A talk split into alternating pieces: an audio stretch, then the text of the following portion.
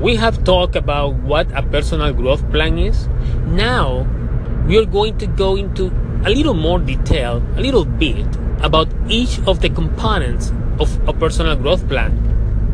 So, as you can remember, the first component is assess your own current state, your personal state, your personal status. So, this I call like it's an awakening because you're going to identify what your skills are, what your strengths are. You have to identify what you're good at. Even I always emphasize that in this component, you have to identify what your weaknesses, your flaw, your shadows are. And do you know why? Not because you had to remark and focus on them, no, because you had to focus on your own strength and maximize your own human potential. But knowing your own weaknesses, your own flaws, your own shadows, you're going to be more aware of who you are and who you are not, what you're capable of doing and what you're not capable of doing. And you know yourself 100% fully, completely, you will have more chances to succeed because being self aware of who you are will lead you to succeed. Now, the second component is what we call accept because you have to identify all the internal and external opportunities you have to grow. What are those opportunities out there for you? Remember, there are opportunities, many opportunities out there, but not all opportunities are good for you.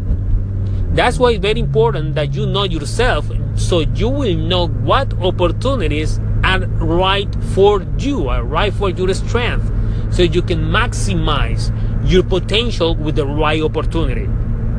So accept all the opportunities that you see that match your strength. Remember, accept accept this fact. You're not good at everything. So you have to focus on the opportunities that where you can bring more value than others. The third component is what we call integrate. Because now it's very important that okay, I know who I am, I know who I am not. Now I have identified all the opportunities that I have based on my strength. But now, what other additional skills or experience are needed to take over those opportunities?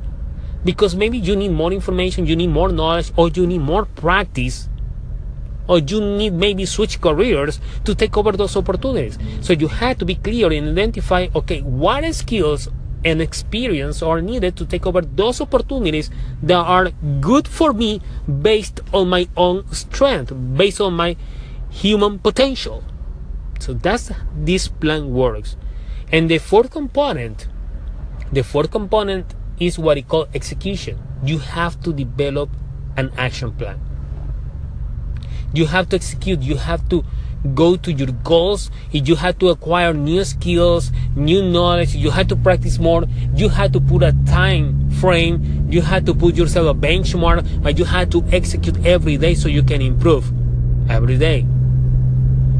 By the way, remember that once you have your plan complete and you start executing based on your plan, you have to review your plan so you can monitor your own performance, your own progress. You can review it each month, each quarter, or each six months. Depends on the on your goals. Depends on how complex is your progress or how complex are your goals. But you have to review it. You have to review and modify, adapt, adjust, and execute. That's the cycle that you have to take over and get things done. Remember, this is very important. I hope that you can create with these four components a personal growth plan for you. Because this will take you to the next level. At personal and professional areas this is going to take you the next level. Remember a personal growth plan is 100% not guarantee you're gonna have success but you will have 100% more chances to succeed than others that don't create a personal growth plan so what are you waiting for build and battle. Until the next time.